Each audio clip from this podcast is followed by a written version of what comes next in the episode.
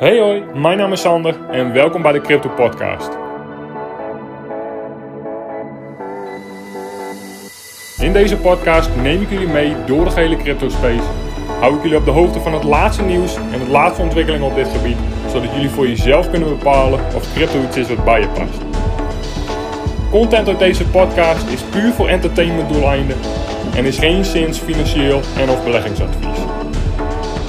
Welkom en heel veel luisterplezier. Oké, welkom bij seizoen 2, aflevering 70. Uh, in deze aflevering een persoonlijke boodschap voor jullie. Uh, die gaat over maatschappelijke normen. En normen die we elkaar opleggen. En wat wij vinden van mensen die buiten die maatschappelijke norm vallen. En waarom bijvoorbeeld jouw crypto-investeringsreis een hele eenzame kan zijn. Omdat ook crypto natuurlijk nog steeds buiten de maatschappelijke norm valt. De maatschappij daar iets van vindt als het gaat over risico's en volatiliteit van de markt. En eigenlijk het liefst niet ziet dat jij succesvol wordt in jouw crypto-investeringsreis. En ik zie het dagelijks gebeuren. Individuen die vastlopen in onze samenleving, die vastlopen in onze maatschappij, omdat ze buiten de maatschappelijke norm vallen. En het systeem en de maatschappij en de samenleving dan keihard is als het gaat over oordelen vellen, stempels plakken.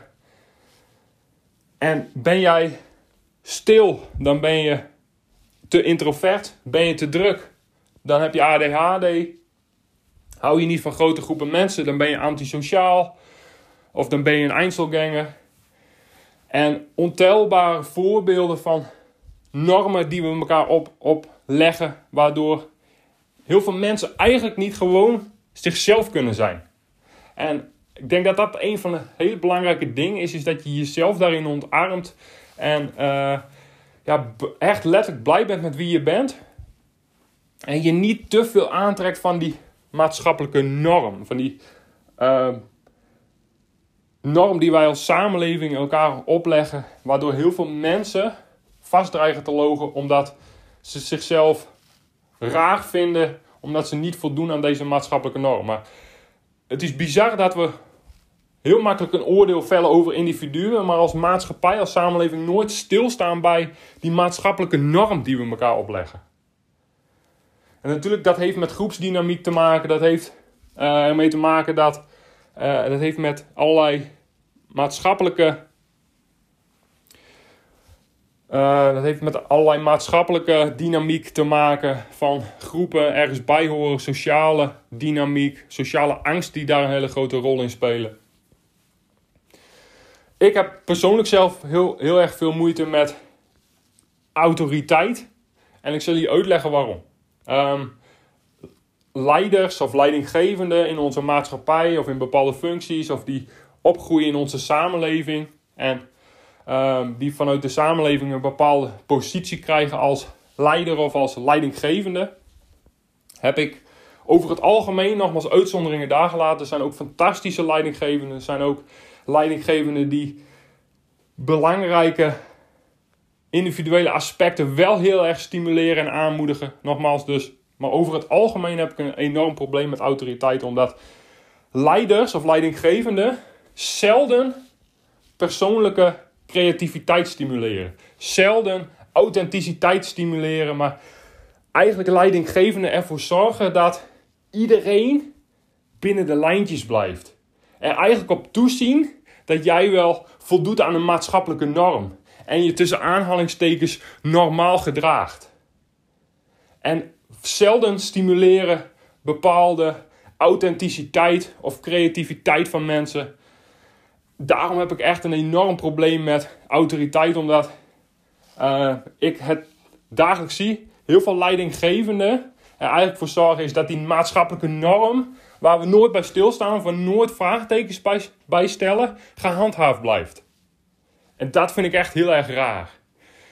En individuen die belangrijke, bepaalde belangrijke competenties hebben, ook al vallen die buiten de maatschappelijke norm, dat zelden gestimuleerd wordt. Je dan al gauw een stempel opgedrukt krijgt dat je of te cynisch bent of een te negatieve invloed op je omgeving, terwijl je misschien soms gewoon een hele kritische, eerlijke mening hebt. Misschien zelfs een hele uh, slimme of uitdagende mening hebt over bepaalde processen in onze maatschappij, maar je eigenlijk vrij snel in een hoekje gezet wordt en als bijzonder raar en uh, weet ik voor wat voor allerlei stempels uh, weggezet wordt.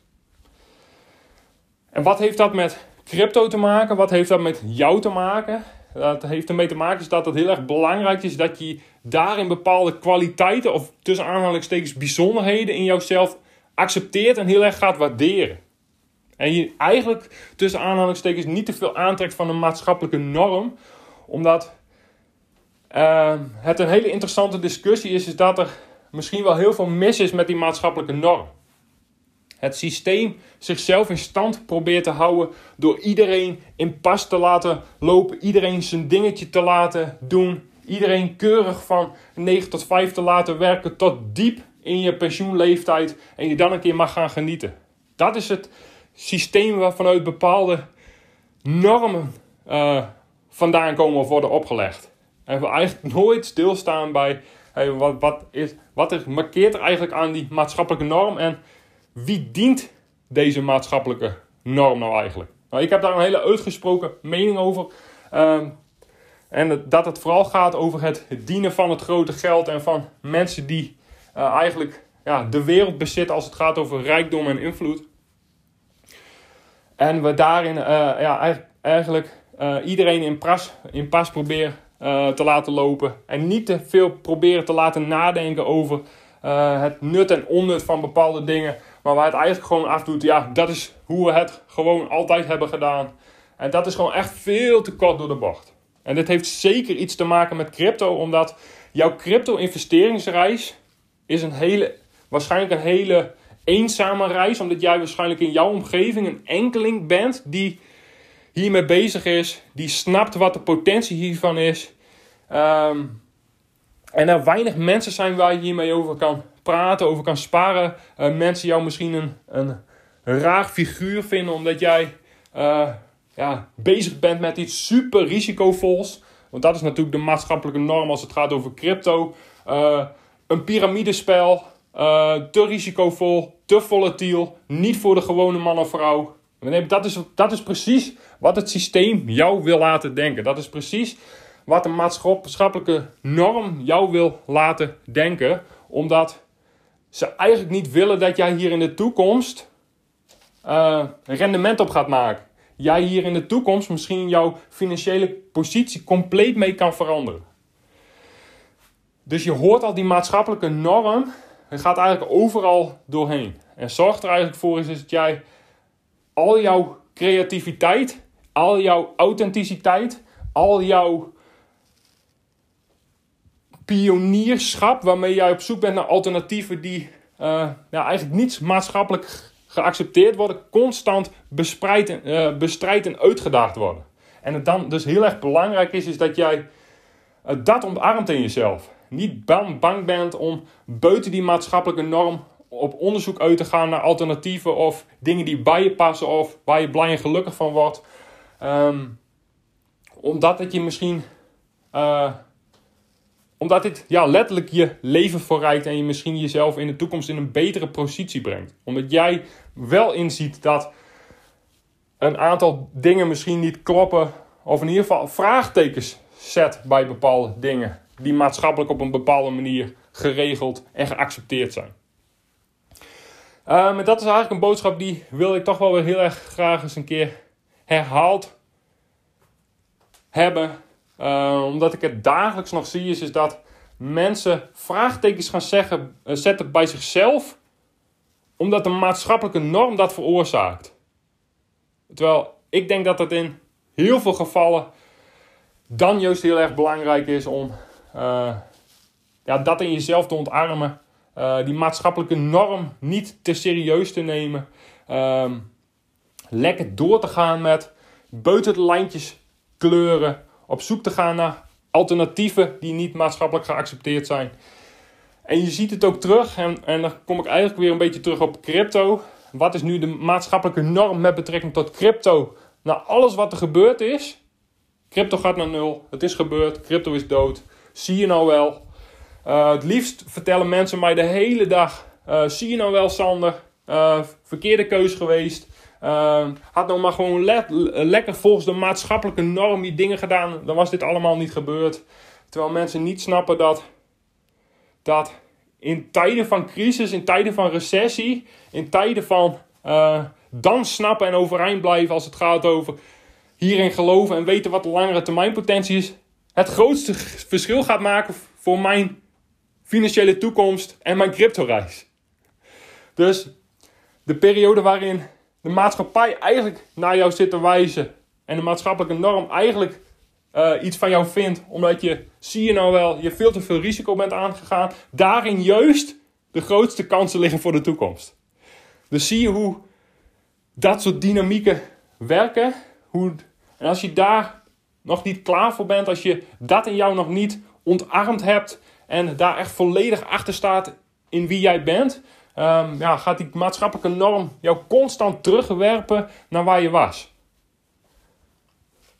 Want als je nu zou handelen volgens de maatschappelijke norm, inderdaad zou je toegeven en zeggen van ja, uh, dat, dat crypto is inderdaad, poeh, als ik puur kijk naar mijn portfolio en naar de prijs, is het misschien inderdaad niet zo verstandig geweest. en uh, moet, ik, ja, moet ik dan nu maar met verlies uitstappen en nooit meer terugkeren. Dat is precies wat ze willen. Dat zij niet willen dat jij hier op de langere termijn uh, financieel rendement uit gaat halen. Um, daar sluit ik dan ook mijn podcast mee af juist tegen de maatschappelijke norm in. Dus als mensen, uh, het maakt eigenlijk niet uit met betrekking tot wat, uh, gaan roepen, zie je nou wel, uh, we hadden toch gelijk veel te risicovol en uh, volgens de maatschappelijke norm wordt nu allemaal bevestigd waarom je het niet had moeten doen, liggen misschien wel de, juist, de meeste kansen voor de toekomst. En zeker met betrekking tot crypto, nu het sentiment zo laag is, na alles wat er gebeurd is, liggen daarin misschien wel de meeste kansen uh, voor jou om uh, ja, eigenlijk daarin iets te doen voor jouw financiële toekomst. En uh, het soms heel erg slim is om puur te kijken naar wat de maatschappelijke norm is op een bepaald moment. wat die maatschappelijke norm in een bepaalde situatie van jou vindt. En daar juist slim tegen in te gaan. Te zeggen van oké, als dat een maatschappelijke norm is. En als er nu gezegd wordt hey, zie je nou wel, is het juist heel erg interessant om te kijken van hey, uh, wat is de andere kant van de munt daarin en wat kan ik daarmee voor de toekomst. Um, en je ziet het in vooral mainstream media, als het gaat over crypto, uh, zie je gewoon heel erg wat het sentiment is wat op dit moment uh, geduwd en gedreven wordt. Um, dus wat dat betreft kan crypto inderdaad een hele eenzame reis zijn, omdat nu heel erg jouw geloof in jezelf, uh, in waar jij mee bezig bent, maar ook jouw geloof in crypto heel erg uitgedaagd wordt. En um, ja, dat eigenlijk heel erg veel zegt over juist wie jij wel bent. Over hoe creatief je bent, hoe authentiek je bent. En jij in staat bent om uh, daaraan vast te blijven houden, ongeacht de maatschappelijke norm. Dat was het weer voor vandaag. Heel erg bedankt voor het luisteren. Heb je vragen of suggesties? Stel ze op mijn Instagram, sandervrieswijk.nl. Tot de volgende keer.